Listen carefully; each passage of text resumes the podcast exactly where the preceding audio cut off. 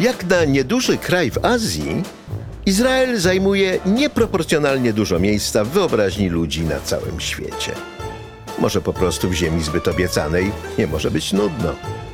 Gdyby można było eksportować historię lub teraźniejszość, to Izrael, jedyny kawałek Bliskiego Wschodu bez ropy naftowej, byłby drugim Kuwejtem. Ja się nazywam Konstanty Gebert i to jest podcast Ziemia zbyt obiecana. Mało jest ciekawszych miejsc na ziemi. WKHZ, jak to się mówi po hebrajsku. Tak to jest. Podcast Ziemia zbyt obiecana powstaje we współpracy z Fundacją Elnet, organizacją pozarządową, której celem jest pogłębianie relacji między Europą a Izraelem w oparciu o wspólne potrzeby i demokratyczne wartości. Różni ludzie mają różne pierwsze skojarzenia, kiedy myślą o Izraelu.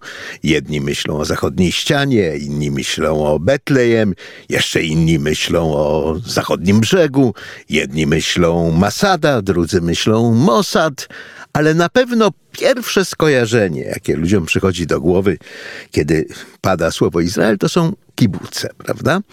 To był ten niezwykły społeczny wynalazek, który w znacznym stopniu zbudował Izrael zanim jeszcze państwo powstało, a na pewno zbudował zbiorowej wyobraźni obraz Izraela, który przez dziesięciolecia funkcjonował e, na świecie jako tego egalitarnego socjalizmu swobodnie wybranego, który działa kibuce było, nie było, produkowały izraelskie elity, produkowały izraelskie produkty rolne rozsyłane po całym świecie, odmieniły kraj, znaczy Izrael rzeczywiście się zazielenił i wokół kibucy wyrosła gigantyczna, pozytywna mitologia.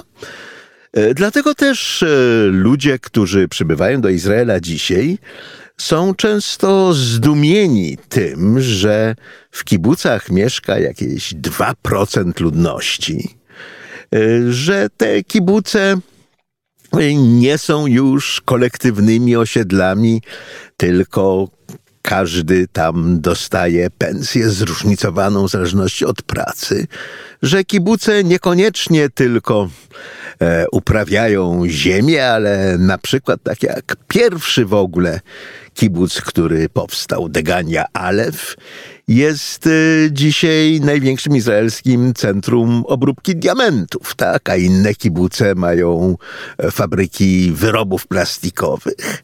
E, co więcej, średnia wieku w kibucach e, systematycznie się obniża. Młodzież opuszcza kibuce, kieruje się do wielkich miast. I tak jak kibuce kiedyś były w samym sercu izraelskiego doświadczenia, e, tak dzisiaj no, niewątpliwie są na tego doświadczenia marginesie. Tyle tylko, że jest to bardzo znaczący margines. E, nadal, chociaż w kibucach mieszka, jak się rzekło, jakieś 2% ludności izraelskiej, 40% izraelskiej produkcji rolnej pochodzi właśnie z pól kibucowych. E, ponad 8% izraelskiej produkcji przemysłowej pochodzi z pól kibucowych.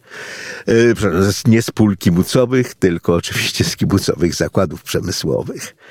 I chociaż dawno już minęły te czasy, kiedy co czwarty izraelski oficer był kibucnikiem, dzisiaj e, pewnie najliczniejszą grupą wśród oficerów e, są narodowi sioniści związani z ruchem osiedleńczym, to kibuce nadal produkują nieproporcjonalną część izraelskich elit politycznych i społecznych. Dlatego warto się przyjrzeć historii ruchu kibucowego i zobaczyć, jak ten niezwykły zupełnie eksperyment społeczny y, się dokonał y, i co z niego we współczesnym Izraelu pozostało.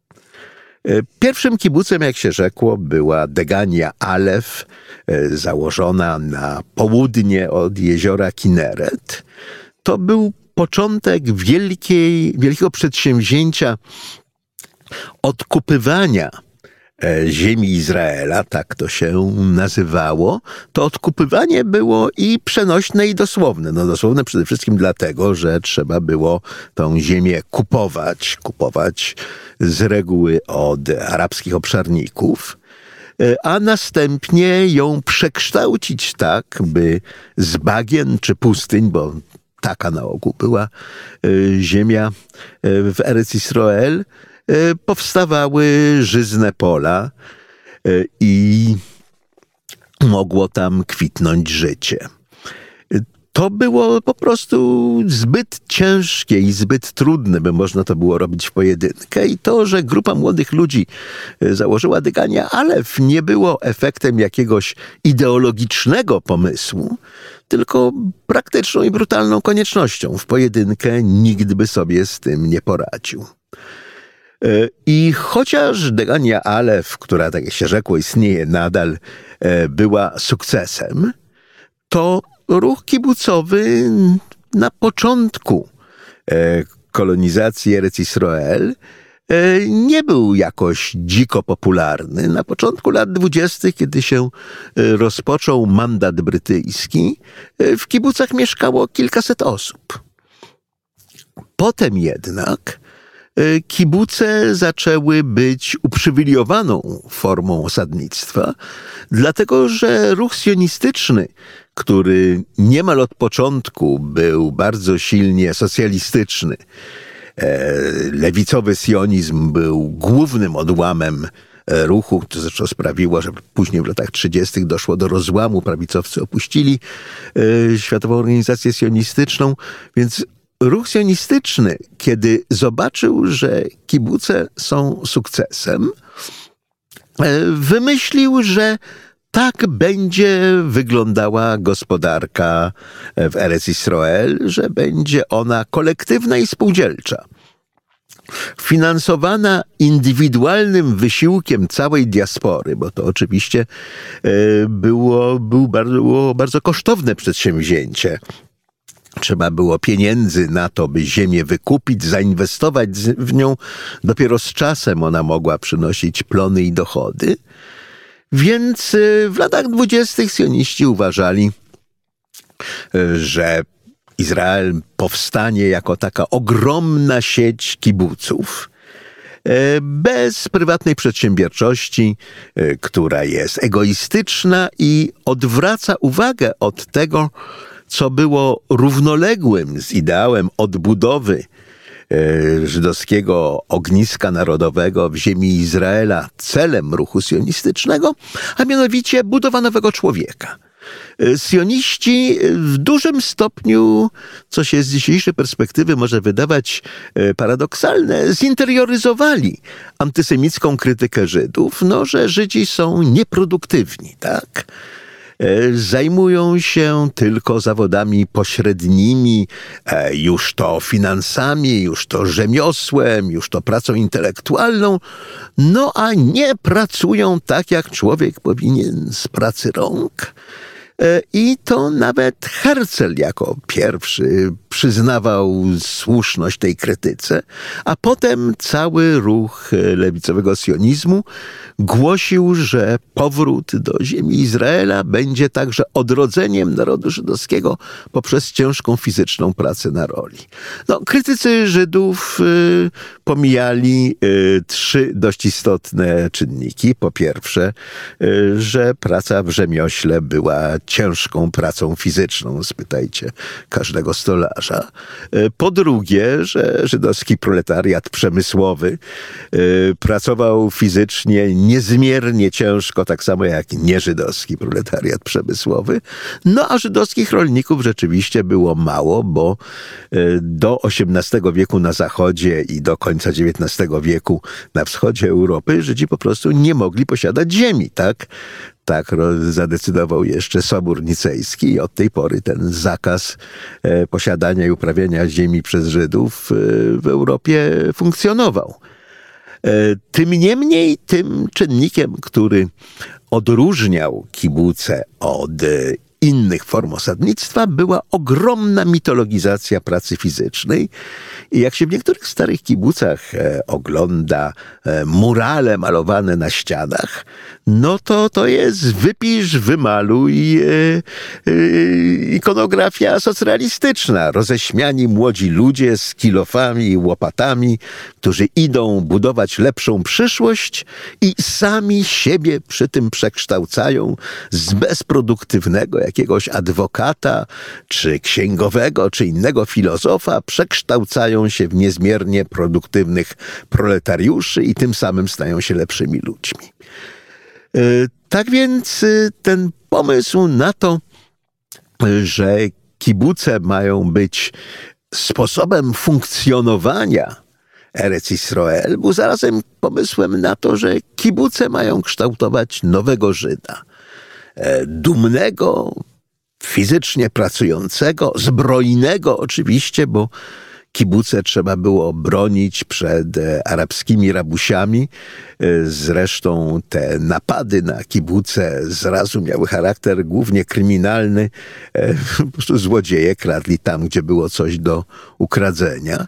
I dopiero z czasem, dopiero właśnie w latach 30. nabrały e, wymiaru narodowego i religijnego, kiedy zaczął się rozwijać konflikt żydowsko-arabski.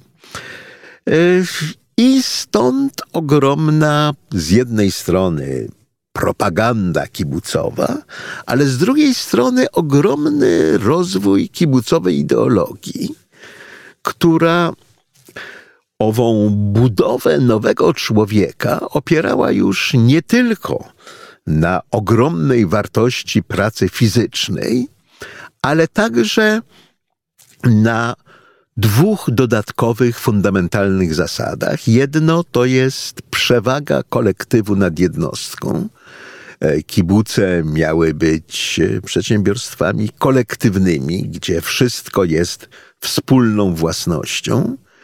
E, i nie decydują interesy jednostki, tylko decyduje interes społeczności. Jednostka być może chciałaby zostać skrzypaczką, ale społeczność potrzebuje dujki, więc e, skrzypaczka zostaje dujką i wszyscy są radośni, bo sprzyja to rozbudowie społeczności. A ta przewaga społeczności nad jednostką jest sprawiedliwa tylko wtedy, kiedy wszyscy są równi. W związku z tym e, w kibucach obowiązywała rotacja stanowisk pracy i członkowie kibucy z wywieszanej w sali zgromadzeń rozpiski dowiadywali się, czy dzisiaj pracują w oborze, czy pracują na polu, czy e, w budowie nowych domów, czy kopaniu studni. E, wszystko to to były prace zamienne i to, że ktoś przychodził e, z jakąś specjalizacją do kibucu, na przykład ktoś był z zawodu hydraulikiem, no owszem, było brane pod uwagę, ale na drugim czy trzecim miejscu i dość niechętnie patrzano na wąskich specjalistów, bo kibucnik powinien umieć robić wszystko. E, niezmiernie ważnym elementem owej ideologii równościowej była kategoria równości płci bo rzecz jasna e, najtrwalszą nierównością była ta nierówność między mężczyznami a kobietami. E, I to sprawiało, że kobiety na równi z mężczyznami podejmowały wszystkie prace fizyczne, ale zarazem, jak się miało dość szybko okazać, nie oznaczało to, że mężczyźni e, równie chętnie podejmują prace uważane dotychczas za kobiece, jak na przykład opieka nad dziećmi, gotowanie czy sprzątanie. E, to z wszystkich badań socjologicznych nad kibucami bardzo jasno wynika, że emancypacja kobiet polegała na tym, że mogły harować tak jak mężczyźni. Natomiast e, nie, nie oznaczało to, że mogą zrezygnować z tak zwanej kobiecej charówki, czyli tak naprawdę kobiety pracowały na dwóch etatach. E, tu wybiegłem troszkę w przyszłość, bo ten ruch kibucowy, chociaż jego ideologia kształtowała się już na początku wieku, tak naprawdę rozwinął się e, w Izraelu dopiero w latach 30. Tymczasem, żeby mógł się rozwinąć, no, musiała do Izraela napływać e, młodzież, bo to głównie młodzi ludzie zakładali te kibuce. Czyli, że korzenie ruchu kibucowego rzecz jasna musiały być w diasporze i tym głównym ogniskiem ruchu kibucowego była Polska. E, ruch Hechaluc, e, który był takim najbardziej e, ekumenicznym ruchem kibucowym, rozwinął się najmocniej w Polsce. W Polsce w rozmaitych osiedlach przygotowawczych do pracy w Palestynie, e, tak zwanych hachszarach, czyli miejscach, gdzie no, trwał, trwało przygotowywanie i trening. Ludzie uczyli się pracy fizycznej, uczyli się hebrajskiego, uczyli się geografii i historii Palestyny. E, w tych różnych hachszarach w Polsce w połowie lat 30. pracowało prawie 20 tysięcy młodych ludzi, podczas kiedy wówczas w Izraelu kibucników było o połowę mniej. A sam ruch Hechaluc był jeszcze dwa razy liczniejszy, bo oprócz tych, którzy mieli to szczęście, że zakwalifikowali się do Hachszary, byli też kandydaci do uczestnictwa w Hachszarze. Także ruch Hechaluc liczył w połowie lat 30. jakieś 40 tysięcy członków. E, dla porównania PPS liczył wówczas około 40 tysięcy członków, a największa partia polityczna w Polsce, e, Żydowski Socjalistyczny Bunt, 50 tysięcy, więc Hechaluc to była, to była potęga. I to w Polsce kształtowały się kadry dla ruchu kibucowego. Tutaj wąskim gardłem, rzecz jasna, było uzyskiwanie brytyjskich certyfikatów. Brytyjczycy po początkowym entuzjazmie dla żydowskiej kolonizacji e, ograniczyli napływ żydowskiej siły roboczej do ziemi Izraela z obawy przed arabską reakcją, więc trzeba było albo się decydować na imigrację nielegalną, albo występować o brytyjskie certyfikaty, a te certyfikaty rozdzielała Światowa Organizacja Sionistyczna, dając pierwszeństwo tym oczywiście, którzy ukończyli Achszarę i mogą udowodnić, że posiadają już niezbędne umiejętności, żeby następnego dnia, po tym jak zejdą z pokładu statku, ruszyć w Palestynie do produktywnej pracy na roli. Stąd też ogromne znaczenie tych kibucy przygotowawczych, e, których e, w Polsce było kilkaset, a najważniejsze dwa, jeden był w Klosowie, na Wołyniu, tuż zresztą pod sowiecką granicą, a drugi był w Warszawie, na Grochowie, na Witolinie. I te dwa kibuce wykształciły kilka tysięcy ludzi, którzy potem przybyli do Izraela i znaczy do ówczesnej Palestyny jeszcze, e, i tam stali się nie tylko członkami tamtejszego ruchu pionierskiego, ale bardzo często jego aktywistami i przywódcami. E, to jest trochę zapomniany kawałek polskiej historii, ale e, bez polskiego wkładu ruch kibucowy do wojny byłby dwa razy mniejszy. E, proporcja kibucników zaczyna się powoli zwiększać na, na korzyść Palestyny dopiero pod końcu, koniec lat 30., a to dlatego, że przybywały kolejne setki kibucników z Polski. E, warto przypomnieć te dwa kibuce, Klosowo i Witolin, bo to, jak się rzekło, w ogóle nie, nie funkcjonują w polskiej pamięci zbiorowej a są bardzo ważnymi instytucjami nie tylko dla historii Izraela, ale i dla historii Polski. E, Klosowo było starsze i w końcu stało się największe. E, to jest e, mieścina ukraińska, północny Wołyń, gdzie Ukraińcy stanowili absolutną większość i gdzie lokalni Żydzi na potrzeby tej sionistycznej młodzieży. Najpierw wydzierżawili kamieniołom, gdzie młodzież uczyła się najcięższej pracy fizycznej. E, I ta inicjatywa po pierwszym półtora roku upadła, potem jeszcze kilka razy e, wznawiano pomysły jakiejś haszary w Klosowie, e, aż w końcu przybył tam siedemnastoletni Benny Marszak, działacz Hechalucu z ogromną charyzmą i inicjatywą i on właściwie E, zbudował ideologiczne podstawy kibucu Klosów, który stał się jednym ze źródeł ideowej emigracji sionistycznej do Palestyny. E, kibuc z kamieniołomu rozwinął się w duże gospodarstwo rolne, do którego przybywali ludzie nie tylko z Wołynia, ale właściwie z całej Polski. I pracowali tam w zupełnie strasznych warunkach. E, spało się na narach po dwie osoby na jednych narach. Przez cały dzień szła strasznie ciężka fizyczna praca, za którą oczywiście nikt nie dostawał wynagrodzenia, ponieważ e, wszystko to, czego kibuc się dorobił, było reinwestowane w kibuc. Nagrodą dla E, uczestników Haszary było to, że będą mieli pierwszeństwo, w którymś momencie będą mieli pierwszeństwo w dostępie do certyfikatów palestyńskich i wyjadą do Palestyny. Ale warunki były tak złe, że kiedy przybył tam z inspekcją Itzhak Tabenkin, jeden z przywódców palestyńskiego Hechalucu, się okropnie zdziwił i w spotkaniu z kibucnikami mówił, że słuchajcie, nie, nie musi być tak, że praca fizyczna musi być aż tak strasznie ciężka i wykańczająca, na co uczestnicy zareagowali z pewnym zdumieniem, bo byli przekonani, że tak, no na tym to polega. No, e, praca musi być strasznie ciężka, musi być taka, że nie można się po niej podnieść, bo inaczej oszczędzamy się, zamiast dawać siebie wszystko dla społeczności.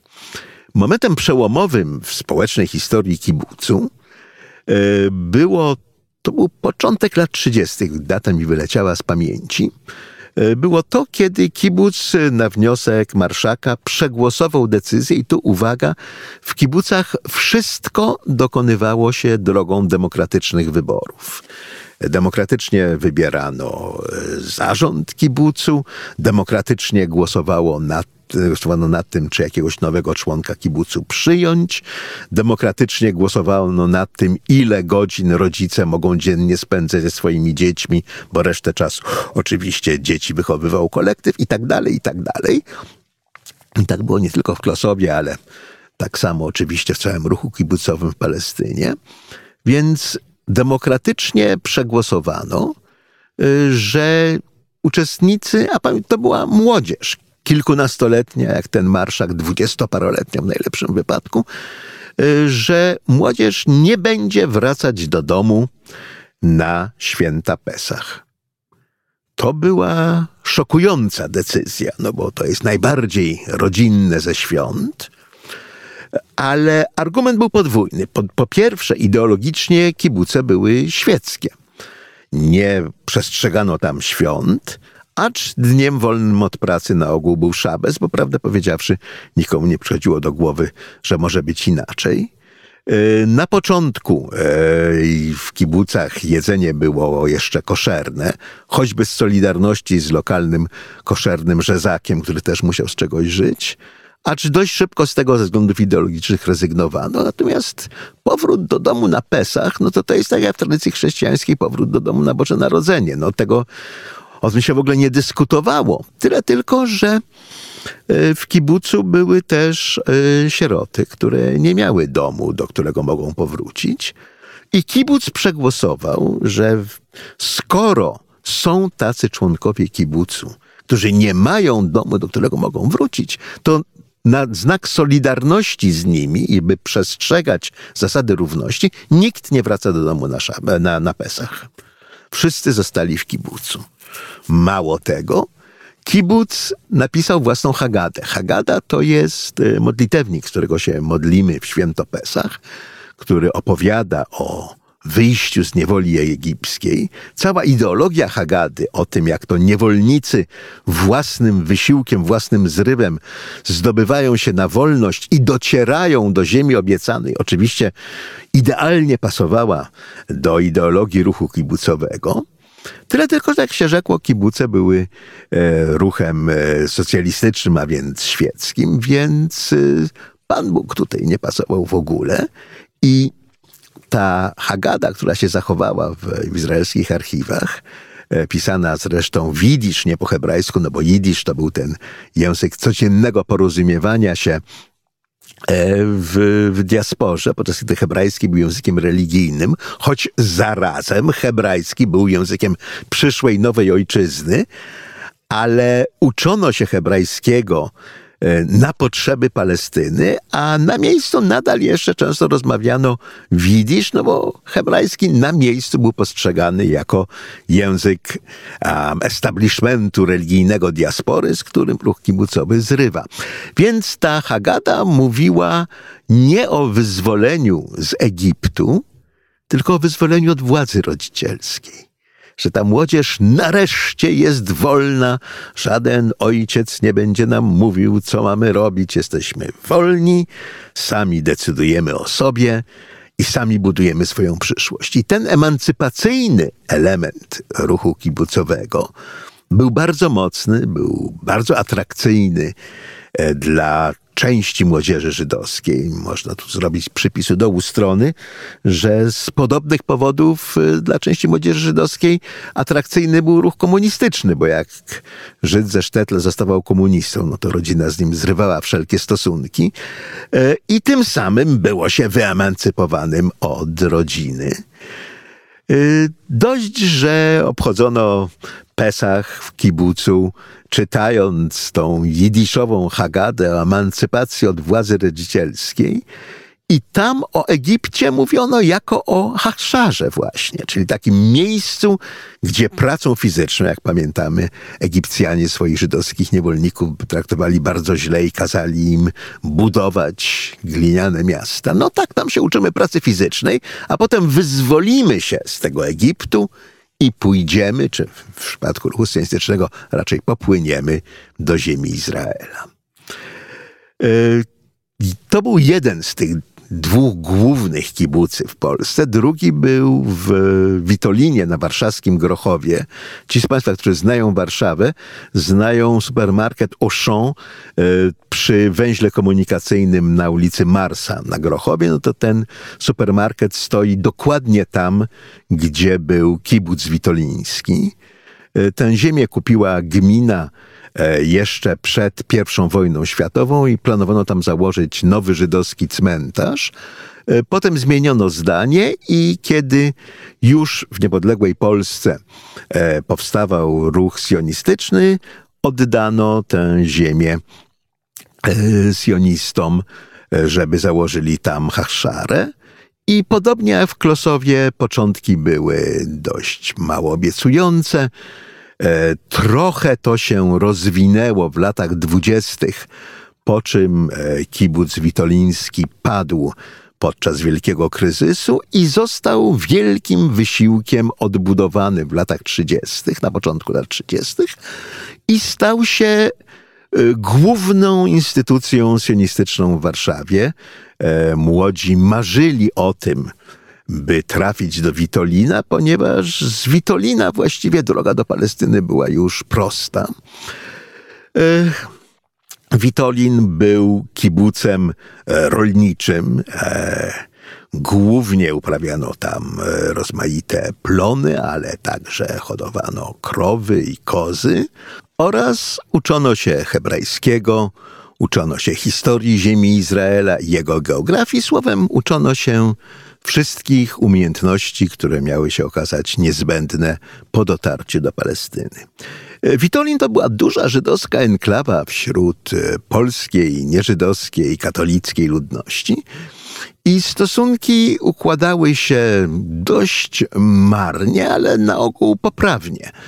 E, aczkolwiek e, uczestnicy kibucu wspominają, że w niedzielę regularnie do kibucu przybywały oburzone bojówki endecji, które potępiały kibucników po pierwsze za to, że pracują w niedzielę, a przecież Bóg mówi, żeby Dzień Święty święcić, no nawet Żydzi powinni to robić. E, kompletnie oczywiście obojętni na to, że dla Żydów dniem świętym czy dniem wolnym od pracy była sobota. No i także bardzo oburzało, oburzał widok żydowskich dziewczyn w krótkich spodenkach, koszulka z krótkimi rękawami, ciężko pracujących na roli. E, bo Żydzi nie tylko, że bezbożni, bo pracują w niedzielę, to jeszcze niemoralni, no to rozebrane kobiety publicznie chodzą. Ale to był taki poziom szykan, który dawał się wytrzymać. Sytuacja się bardzo pogorszyła, tak jak zresztą na całym terytorium Polski w połowie lat 30. po śmierci Piłsudskiego, kiedy przemoc antysemicka nasiliła się bardzo. E, w Witolinie doszło do ataku ostrzelano kibuc, od kul zginęła 17-letnia dziewczyna, Frida Wołkowyska, e, która e, pochylała się nad mapą Palestyny, kiedy, kiedy trafiły ją dwie kule została śmiertelnie ranna, zmarła w szpitalu. Sprawcy oczywiście nigdy nie, nie złapano. E, natomiast e, no, ten incydent antysemickiej przemocy był kolejnym dowodem na to, jak bardzo e, witoliński kibuc jest potrzebny, jak bardzo trzeba się szykować na to, by Polskę opuścić. Acz nikt pewnie wówczas nie przewidywał, że nieporównanie gorsza przemoc nadejdzie z zewnątrz. Kiedy Niemcy zdobyli Warszawę, e, kibuc przez parę miesięcy nie funkcjonował, ale już w grudniu 1939 roku z inicjatywy między innymi Mordechaja Nielewicza, przyszłego przywódcy powstania, próbowano wznowić pracę kibucu, żeby można było karmić getto. I Niemcy z początku to tolerowali, a nawet niektórzy funkcjonariusze władz okupacyjnych wyrażali się pozytywnie o tym, że to tacy wyjątkowi Żydzi, którzy zamiast pasożytować na innych, prawda, pracują na roli. E, I Witolin odegrał rolę nawet po zamknięciu getta. E, władze niemieckie tolerowały to, że grupy młodzieży gettowej opuszczają getto, by pracować w Witolinie. To była jakby taka enklawa getta poza murami. Y, acz to wszystko, rzecz jasna, skończyło się w 1942 roku y, i kibucnicy zostali y, razem z resztą ludności getta wymordowani. Ziemię i mienie kibucu podzieliła między sobą lokalna ludność. Po, po wojnie były próby odzyskania kibucu, spełzły na niczym, e, chociaż e, budynki kibucowe przetrwały wojnę, tyle że w złym stanie. Z czasem zostały wyburzone, no i teraz stoi tam ten wielki supermarket Auchan i nie ma nigdzie nawet tabliczki, która informuje o tym, co, co tutaj było przed wojną i podczas wojny. Aczkolwiek i tutaj e, szacunek, e, lokalni działacze społeczni odgrzebali tę historię kibucową, nawet wydali przy współpracy Żydowskiego Instytutu Historycznego broszurę o tej historii. Tak więc coś, czego nie ma w oficjalnym pejzażu miasta, nadal funkcjonuje w ludzkiej pamięci i to jest czymś bardzo zachęcającym. Ale ci z Witolina, z Klosowa i z tych wszystkich innych hachszar rozsianych po całej Polsce i całej Europie Środkowej, którym udało się dotrzeć do Palestyny, rzeczywiście stwierdzali, że to, czego się uczyli na miejscu, przydaje się, choć rzecz jasna w innych warunkach klimatycznych, innych warunkach rolnych e, trzeba było się uczyć dostosowywać to, co się wiedziało z przygotowania w Polsce do tych warunków, jakie istnieją w Palestynie. Ale ruch kibucowy rozwijał się, rozwijał się bardzo e, i choć z jednej strony nadal e, miał on pełnić tą wiodącą funkcję ideologiczną, bardzo szybko doszła do tego druga funkcja militarna. E, kibuce, które powstawały na wykupionych ziemiach na zasadzie wieża i parkan, czyli przez noc budowano wieżę strażnicą i teren osiedla przyszłego kibucu otaczano parkanem, żeby móc się bronić przed, przed atakami. E, kibuce stały się punktami żydowskiego oporu podczas e, Wielkiego Powstania Arabskiego drugiej połowy lat 30. i później odegrają bardzo dużą rolę podczas obrony nowo niepodległego Izraela po deklaracji niepodległości w roku 1948. Za to owa eksperymentalna funkcja społeczna kibucy rozwijała się e, w sposób imponujący i budzący duże reakcje na świecie. E, to środowisko indywidualistów z wybujałymi aspiracjami intelektualnymi, jakim byli z reguły europejscy Żydzi, w sposób zdumiewający zaakceptowało kolektywistyczne reguły kibucu. Tutaj bardzo ważną rolę pełniła kontrola społeczna. Ludzie pilnowali się nawzajem, żeby nie ulegać e, drobnomieszczańskim nawykom ze, ze świata pozakibucowego.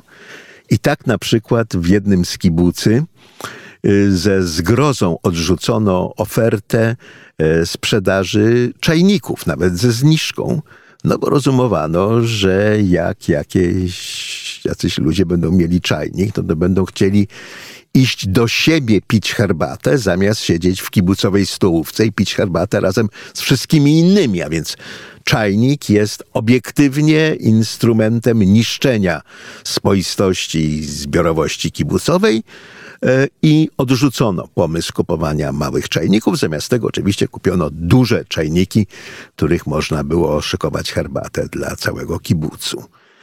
E, kibuce różniły się swoimi założeniami ustrojowymi. Oprócz kibucy, gdzie wszystko było własnością wspólną, były kibuce, w których tolerowano na przykład prywatną własność ubrań ludzie mieli swoje ubrania i chociaż je prali w kibucowej pralni, to potem zabierali do siebie zamiast dostawać przydziałowe ubrania e, z kibucowej no, ubieralni.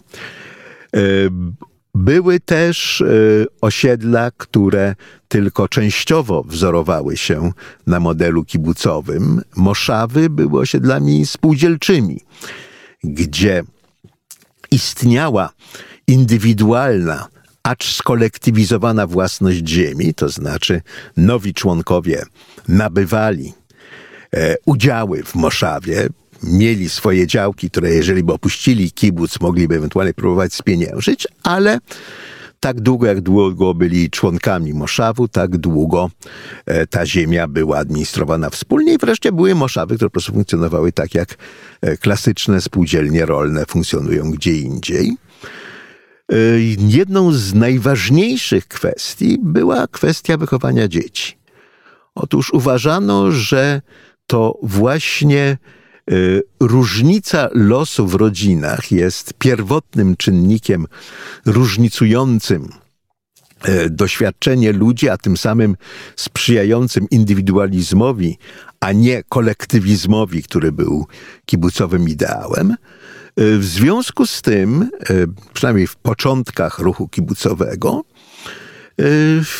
rodzicom przysługiwało prawo 3 do 4 godzin dziennie, które po pracy, a przed e, wieczorem mogli spędzać z dziećmi, ale dzieci nie spały w pokojach czy domkach rodziców, spały w domu dzieci, koedukacyjnym od początku aż do dorosłości, e, gdzie opiekę nad nimi sprawowały zmieniające się zgodnie z kibucową rotacją opiekunki, ale rzecz charakterystyczna, rzadko opiekunowie. funkcje opiekuńcze, jak się rzekły, pozostawały mimo deklarowanego egalitaryzmu nadal głównie kobiece. A następnie dzieci uczyły się i bawiły się wspólnie, no i tak po południu mogły spędzić trzy, czasami w niektórych kibucach cztery godziny z rodzicami, zanim powracały do swojej kolektywnej normalności. Y, na kibuce po wojnie rzucili się socjologowie społeczni, e, przepraszam, psychologowie społeczni i socjologowie, próbując zbadać to, e, jak tego rodzaju radykalnie innowacyjne wychowanie e, wpływa na jednostki. I pierwszy efekt tego wychowania, który odnotowano we wszystkich badaniach, jest to, że kibucnicy tak wychowania, więc dzieci urodzone w kibucu i wychowane w tym kolektywnym systemie wychowania, e, niezmiernie łatwo nawiązują znajomości, natomiast rzadziej nawiązują przyjaźnie i miłości. Tak jak gdyby ten sposób wychowania e, sprzyjał, no właśnie tak jak miał sprzyjać traktowaniu wszystkich ludzi tak samo, podczas kiedy przyjaźń czy miłość no zdecydowanie wyróżniają e, jakąś jednostkę z całej otaczającej nas zbiorowości. Psychologowie prognozowali, że oznaczać to będzie, że kibuce wyprodukują e, ludzi mało indywidualistycznych, konformistycznych, e, rzetelnych, ale mało twórczych. I to się okazało całkowitą nieprawdą. E, kibuce były bogate w nadprodukcję e, wybitnych jednostek. E, niemal cały świat polityczny Izraela na początku to byli kibucnicy, mimo że w momencie niepodległości Izraela w kibucach mieszkało jedynie 7,5% mieszkańców państwa. Ale jak się rzekło, jedna czwarta korpusu oficerskiego, momentami ponad połowa członków Knesetu oraz ogromna liczba e, bardzo wybitnych twórców, no tutaj nazwiska Amosa Oza czy Dawida Grossmana, wielkich izraelskich pisarzy, od razu przychodzą na myśl. Czy Meira Szalewa, którego powieść Roman Russi, e, rosyjski romans, e, tro, półfantastyczna powieść dziejąca się w kibucu, była zasadnie wielkim przebojem literackim w Polsce w latach 90. i przy okazji pokazywała, że mimo, że kibuc jest tym środowiskiem egalitarnym, e, to namiętności ludzkie buzują tam dokładnie tak samo jak w tradycyjnych społecznościach i możliwość zapanowania nad nimi jest mocno ograniczona. E, więc e, rzeczywiście młodzi kibucnicy łatwo nawiązywali znajomości, trudniej przyjaźnie, ale co było kolejnym zaskoczeniem, e, inaczej niż pokolenie ich rodziców, młodzi kibucnicy okazywali się bardziej konserwatywni. Na początku kibuce w ogóle nie uznawały instytucji małżeństwa. Znaczy, jeżeli mężczyzna i kobieta chcieli zamieszkać razem, no to się rejestrowali w administracji kibucu jako tacy, którym przynależny jest wspólny pokój bez współlokatorów. I ewentualnie, jeżeli ich związek się rozpadł, no to się wyrejestrowali i wracali do sypialni zbiorowych. Jeżeli w międzyczasie urodziły się dzieci, no to i tak wychowywał je kibuc. Y, dzieci urodzone już w kibucach e, chętniej zawierały małżeństwa i ten zwyczaj e, no, ignorowania małżeńskich formalności w ruchu kibucowym dość szybko zanikł. E, podobnie z czasem zaczęto akceptować indywidualne pokoje, indywidualne domki, tak z czajnikiem, w którym można samemu dla siebie zrobić herbatę zamiast pić ją w stołówce ale ogólny model kibucowy y, sprawdzał się zaskakująco dobrze. Także i jego funkcje obronne. Y, obrona y, kibuców na granicy z Gazą podczas wojny o niepodległość przeszła do legendy. Tam rzeczywiście powstrzymana została egipska ofensywa.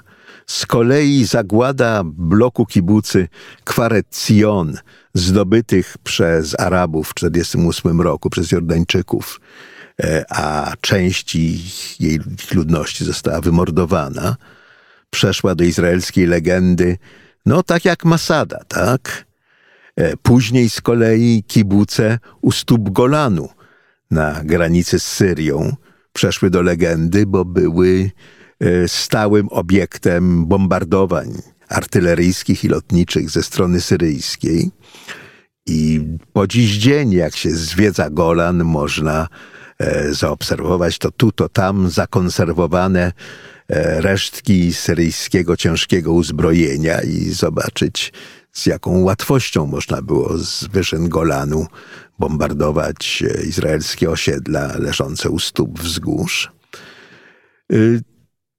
Y, tyle tylko, że Izrael rzecz jasna nie stał się tą zbiorową komuną komun, kibucem kibucy, y, jak sobie to wyobrażali e, socjaliści sionistyczni w latach dwudziestych minionego stulecia. Izrael od początku był gospodarką wolnorynkową i bez napływu prywatnego kapitału by nie przetrwał i kibuce pewnie też by nie przetrwały. Więc kibuce stały się oazami socjalistycznymi w wolnorynkowej gospodarce. E, I ten dziwny mariaż e, trwał i funkcjonował.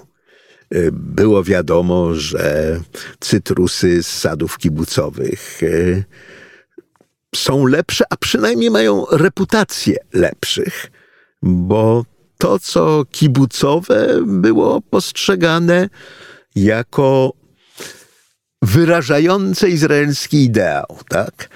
Bogiem a prawdą ja nigdy nie potrafiłem odróżnić posmaku czy pomarańcz jest z pardesu kibucowego, e, z pardesu prywatnego, a ten prywatny czy jest e, arabski czy żydowski, ale znawcy twierdzą, że tak, że pomarańcze kibucowe nawet dzisiaj są smaczniejsze.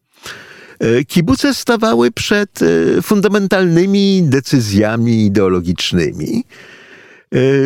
Rzecz jasna, nie można było inaczej niż na początku, kiedy kibuce przyjmowały wszystkich chętnych, kiedy kibuce okrzepły, e, można było zostać członkiem, kandydatem kibucu i społeczność kibucowa po e, przewidzianym w regulaminie czasie, to było na ogół pół roku, ale to mogło być różnie, e, zbierała się na ogólnym zgromadzeniu, żeby zadecydować, czy taki to a taki po odbyciu stażu kandydackiego udowodnił, że zasługuje na to, by stać się członkiem naszego kibucu, czy też nie. W niektórych kibucach takie debaty odbywały się w obecności kandydatów wręcz y, i bywały bardzo burzliwe i bardzo bolesne i wcale nie przyjmowało się każdego. Także nowi członkowie przez przynajmniej pewien czas mieli takie poczucie wdzięczności, że jednak mimo wszystko ich przyjęto i zaakceptowano. Y, rzecz jasna, y, akceptowano, przyjmowano tylko Żydów. Znaczy nie to, żeby Arabowie się zgłaszali na członków kibucy, ale od samego początku kibuc był narzędziem żydowskiego odkupywania ziemi Izraela. Kibuce powstawały na ziemiach kupionych przez zbiorowe fundusze diaspory, przez Żydowski Fundusz Narodowy od arabskich obszarników. Więc arabscy członkowie kibucu byliby sprzecznością w założeniu. Ale ta zasada, że kibuce są inicjatywą narodową, no od początku ograniczała ich demokratyczność, a wziąwszy pod uwagę, że kibuce były instytucjami quasi państwowymi, jest jednym z przykładów tego, jak czasami trudno jest w Izraelu pogodzić wymóg żydowskości i wymóg demokratyczności, oba zagwarantowane w deklaracji niepodległości. E, to wszystko funkcjonowało. Kolejne pokolenia kibucników e, wychowywały się w kibucu, przechodziły do elit, a kibucy nie opuszczały.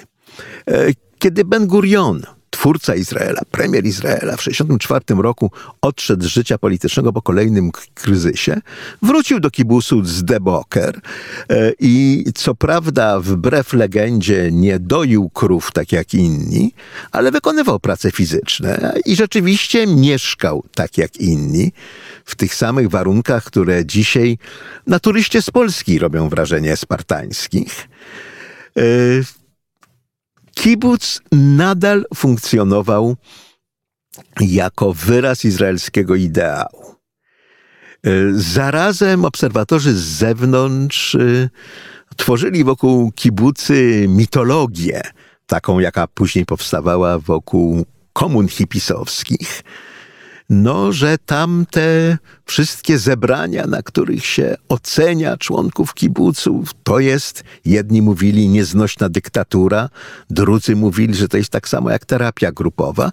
E, prawda była gdzieś po środku, albo raczej wahała się od ściany do ściany, bo jednym z elementów yy, życia kibucowego było to, że owa intensywna ideologiczność, połączona z absolutną jawnością całego życia, nie było życia prywatnego, e, czyniła kibuce podatnym gruntem dla demagogów. Innymi słowy, przywódca kibucowy, który był skutecznym organizatorem, czyli pokazywał, ile wnosi dobrego do kibucu, a zarazem potrafił wyartykułować kibucową ideologię, często stawał się po prostu wodzem nie. I w całym ruchu kibucowym są liczne przykłady takich wodzów, którzy stawali się no, odpowiednikiem, e, można by powiedzieć, hasyckich rebem, bo to jest sytuacja e, trochę podobnej relacji. Czy w rozmaitych ruchach alternatywnych, nieżydowskich, przywódców komun czy też guru, I ci wodzowie, wykorzystując mechanizmy demokracji, często sprawowali całkiem skuteczną władzę dyktatorską nad kibucem czy kibucami im podległymi, a na pewno narzucali swoją ideologię. Część kibucy izraelskich e, w pierwszych latach powojennych e, wyznawało ślepo ideologię już nie tylko komunistyczną, ale stalinowską. Tam się zdarzały i portrety Stalina, i wciąganie na maszt flagi sowieckiej. Śpiewanie międzynarodówki było codziennością. Międzynarodówka była hymnem całego socjalistycznego ruchu sionistycznego. I dopiero stopniowy napływ Żydów, którym się udało uciec ze Związku Sowieckiego i z innych krajów realnego socjalizmu, podważył tę wiarę zbawczą misję socjalizmu, wiarę, która po części wynika z marksistowskich korzeni części e, sionistycznego socjalizmu, a po części z praktycznego doświadczenia II wojny. No to Armia Czerwona wyzwoliła Żydów e, w Polsce i wreszcie Europy Środkowej. E, zdarzały się też przykłady, tak jak zawsze przy nadużyciu władzy, nadużyć seksualnych, aczkolwiek cała ta mitologia, że kibuce prowadziły jakieś rozbuchane życie seksualne, e, wzięła się później, kiedy po wojnie sześciodniowej e, do kibuców napłynęła masa młodych ochotników z Europy Zachodniej, e, którzy przybywali do Izraela, żeby wyrazić swoje poparcie, swoją solidarność, przepracować parę miesięcy na roli i w ten sposób wesprzeć państwo żydowskie. No i po kibusach poszła legenda o długo, długonogich szwedzkich dziewczynach, a kibuce same były seksualnie dość konserwatywne. I to jest też kolejna interesująca uwaga e, z badań e, psychologów społecznych. Wychowana razem młodzież e, traktowała właściwie wszystkich członków swojej kwucy, czyli swojej grupy, jak rodzeństwo. Niezależnie od tego, że tylko niektórzy z nich mogli być rodzeństwem biologicznym, i w związku z tym szukali partnerów seksualnych raczej poza kibucem, no bo ci młodzi ludzie, z którymi razem wyrastali, byli dla nich jak bracia i siostry. A to na ogół jakimś intensywnym erotycznym fascynacjom nie sprzyja. Kibuce pewnie rozkwitałyby dalej, gdyby nie to, że najpierw w 1977 roku w Izraelu władzę przejmuje prawica, która była kibucom głęboko niechętna, bo postrzegała kibuce jako taki ostatni bastion lewicowego, lewicowych aszkenazyjskich elit. To się może wydawać paradoksalne, no bo kibuce to były miejsca przeraźliwie ciężkiej pracy, ale jako, że wymyślili je Aszkenazyjczycy i doprowadzili je do perfekcji wtedy, kiedy dopiero po niepodległości do Izraela zaczęła przybywać alija Żydów z krajów arabskich, oni postrzegali tę instytucję no, jako instytucję izraelskiego establishmentu, a ten im się kojarzył źle, jako nieżyczliwy i dyskryminacyjny, co w znacznym stopniu było prawdą. Słowem, kiedy aszkenazyjska prawica głosami Żydów z krajów arabskich doszła do władzy, rozpoczęła wojnę z kibucami i nagle stało się tak, że kibucowe pochodzenie, zamiast otwierać wszystkie drzwi, zaczęło to traktować podejrzliwie, bo to właśnie no, ten bastion aszkenazyjskiego, liberalnego, świeckiego establishmentu.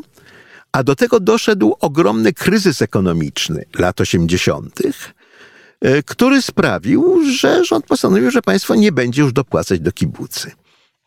Wtedy się okazało, co oczywiście ekonomiści wiedzieli i ludzie zajmujący się finansami kibucowymi wiedzieli, że sukces kibucowy w pewnym stopniu i do dziś trwają bardzo intensywne polemiki, w jak wielkim stopniu, e, był możliwy dzięki państwowym dotacjom.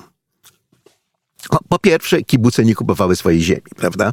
E, dostawały w wieczną dzierżawę ziemię od Żydowskiego Funduszu Narodowego, ale po drugie, jeżeli jakiś kibuc sobie nie radził, no to mógł liczyć na dotacje już to od swojego ruchu kibucowego, na przykład Hachaluc, już to od centrali związkowej Histadrut, które z kolei były bogato finansowane z kasy państwowej, a później już po niepodległości także mógł liczyć na bezpośrednie państwowe dotacje, na które nie mogły rzecz jasna liczyć prywatne firmy. Stąd e, rynkowa przewaga kibucowych produktów, które mogły sobie pozwolić na to, żeby być tańsze. I ta finansowa bonanza skończyła się w latach 80., a to sprawiło, że część kibucy zbankrutowała, inne zaś musiały radykalnie y, zmienić swoje zasady funkcjonowania, zrezygnować na przykład z pomysłu, że w kibucu nie ma pracy najemnej. To znaczy, że wszystko, cała praca, którą trzeba w kibucy wykonać, musi być wykonana przez członków kibucy. I zaczęły zatrudniać e, pracowników. E, zrazu byli to Arabowie, w tym często Arabowie palestyńscy. Potem z obaw, jakie to budziło względu bezpieczeństwa, e, sąsiedzi z drugiej strony Ładi byli zastąpieni przez importowaną siłę roboczą, często z Tajlandii. Stąd też wśród ofiar palestyńskiego terroru w Izraelu są też Tajowie, bo oni często pracują na kibucowych polach. Inne kibuce odchodziły od modelu pracy na roli, mimo że ten miał budować nowego człowieka e, i przechodziły do produkcji przemysłowej. No tak jak mówię, no, e, już to plastiki, już to szlifowanie diamentów, już to w jednym z kibucy e, wysoce precyzyjna elektronika mimo że taka praca nakładcza w przemyśle była postrzegana zgodnie z marksistowską tradycją jako bardziej alienująca. Inne jeszcze kibuce e, przeszły na agroturystykę, to znaczy nadal najlepsze miejsca do zatrzymania się, jeżeli ktoś chce coś zobaczyć w Izraelu, poza hotelami Tel Awiwu i cudami jerozolimskiej starówki, e, to warto e, zasięgnąć języka w centrali kibucowej i rezerwować pokoje e, w kibucach. Tam jest z reguły taniej, zawsze smaczniej. No i widoki na ogół piękne, no bo kibuce zakładano w rozmaitych pięknych miejscach. Tak więc ten wysoce ideologiczny model, jaki kibucnicy chcieli realizować, trzeba było w pewnym stopniu poddać kontroli rzeczywistości I dlatego też e, dzisiaj kibucy w Izraelu jest mniej. E, pracuje, mieszka w nich tylko jakieś 2% ludności, jak się rzekło, ale nadal udział kibucy i w gospodarce izraelskiej jest nieproporcjonalnie duży. 40% produkcji rolnej, 8% produkcji przemysłowej i nadal udział kibucników w izraelskich elitach jest nieproporcjonalnie duży, acz mniejszy, rzecz jasna, niż był w szczytowym okresie ruchu. Demograficznie kibuce się starzeją. E, są próby powtarzania doświadczenia kibucowego w miastach w postaci komun miejskich, ale to już jest zupełnie inny twór. E, I można sobie wyobrazić, że kibuce coraz bardziej będą nie tyle awangardą Izraela przyszłości, co skansenem Izraela przeszłości. A ten ogromny ideologiczny entuzjazm, jaki był siłą napędową ruchu kibucowego, e, dzisiaj bardziej widać e, wśród osadników, którzy kierując się zresztą podobnymi wartościami jak kibucnicy lat temu 80 czy 40, E, zakładają nowe osiedla, tyle tylko, że zakładają je nie na ziemiach wykupionych od ich właścicieli, ale często na ziemiach bezpośrednio czy pośrednio zawłaszczonych i nie na terytorium, gdzie zgodnie z prawem mogą się osiedlać, ale na terytorium, którego mieszkańcy, Palestyńczycy, chcą mieć e, jako swoje państwo i to sprawia, że ten nowy ruch osadniczy jest oczywiście bardzo prawicowy, a co za tym idzie także i bardzo religijny, inaczej niż kibuce, które były lewicowe i świeckie. E, ani kibucnicy, ani osadnicy nie bardzo lubią się przyznawać do tego pewnego podobieństwa, ale ono jest.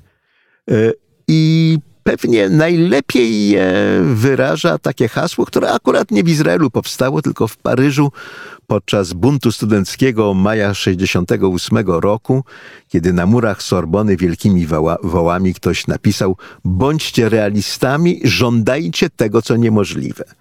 No bo prawdę powiedziawszy, e, jak się spojrzy wstecz na ruch kibucowy, no to wszystko było niemożliwe od początku do końca. Poprzez pomysł, że powstanie państwo żydowskie, po po, poprzez, od pomysłu, że powstanie państwo żydowskie, poprzez pomysł, że to państwo będzie socjalistyczne, po pomysł, że wyhodujemy zupełnie nowego człowieka.